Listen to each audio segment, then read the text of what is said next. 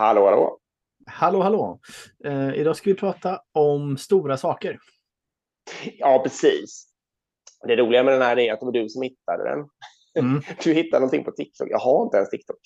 Eh, en, ja, ett klipp då förstås. Och eh, det var någon människa som jag tyvärr inte kommer ihåg namnet på. Som, eh, hans teori var, den var väldigt enkel och väldigt genialisk. Mm. Och den gick så här då, att han hade spanat att eh, högermänniskor, alltså om man pratar politik, de är ofta väldigt skeptiska till stora governments, alltså mycket myndigheter. Stora statliga verk och så vidare. Ja, exakt. Och vänstermänniskor är väldigt ofta skeptiska till stora företag. Mm. Eh, det här kan nog de flesta människor känna igen. Liksom. Um, och hans spaning var då att det kan inte vara så enkelt som att det är stora som är dåligt. Jo, det är ju fantastiskt. Ja, det är fantastiskt. ja. För att, eh, alltså det är klart, det alltid beror på och det finns lite ifs and buts och sådär. Men, men det, är, det är ju helt klart, alltså det ligger någonting i det att när man gör någon, en organisation väldigt, väldigt stor så följer det med det jättemycket problem. Och, mm. alltså, jag tänker mycket på organisatorisk dumhet, eh, alltså mycket hierarki, svårt med informationstransparens, svårt med kontaktvägar, svårt med beslutsvägar och så vidare. Du skapar, eh, du skapar också ofta massor med beroenden emellan grupper. Ja. Och sen löser du inte ut det, så då sätter du på Nej. ett adminlager ovanpå det som ska liksom vara lösningen på att, ja men okej, men då får vi ha massor med projektledare eller vad det nu kan vara som springer runt och löser allt det här. Då skapar det en massa med administration och, och waste och tröghet och långsamhet. Nej, jag, jag håller verkligen med. Och jag menar, eh, vi har ju förmånen att ibland få åka runt till en del företag och hjälpa dem med olika typer av problem.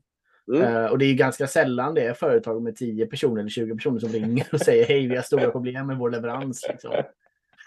Nej, Nej. Nej, det händer ju inte så att säga. Men sen Nej, är det, klart att det. har ju hänt med, när de har varit på något hundratal, alltså när tillväxten har börjat har vi faktiskt fått sådana frågor. Mm. Eh, så det är klart att det, de behöver inte heller, det behöver inte vara 25 000 anställda för att det ska bli ett problem. Liksom. Nej.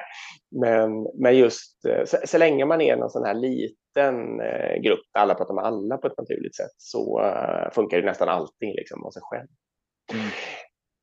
Eh, nej men precis, så min take lite på det här är ju att eh, han har då rätt ur en aspekt och att eh, alla de där problemen som jag nämnde förut är ju de då som händer när man växer väldigt, väldigt ofta i alla fall.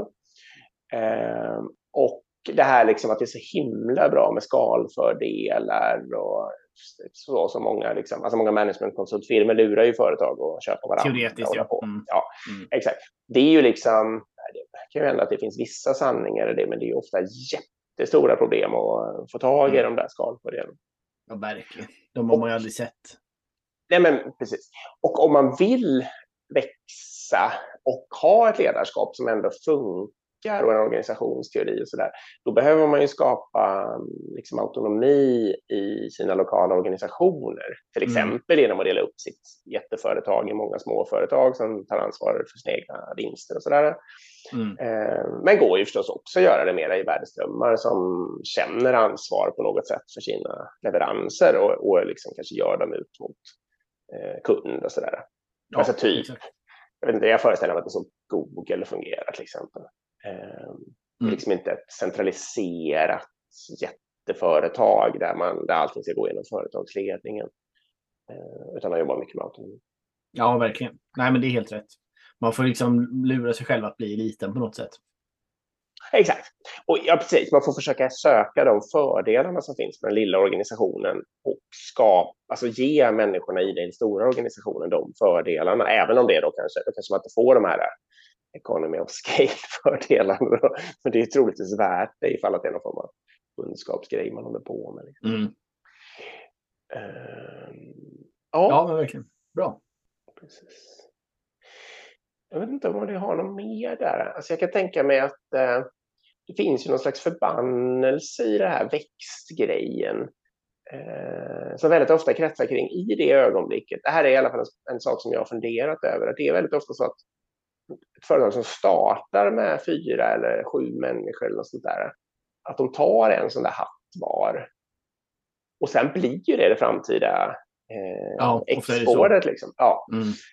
Eh, och det är jättesvårt att backa det, för då har de liksom fastnat i det där tankesättet. Mm. Och, ja, ja, men, så är det. Och sen, jag tror det i kombination med att det ligger i vår natur att vilja, alltså om, man, om, om du blir chef för en liten grupp på fem personer, du kommer ganska snabbt börja fightas för att det ska bli tio personer eller 15 personer ja. i den gruppen. Mm. Alltså oberoende om det behövs eller inte, för du ja. vill ha en stor grupp och sådär. Och sen gör du det där gånger hundra på alla chefer i en organisation så har du ett tillväxtproblem. Liksom.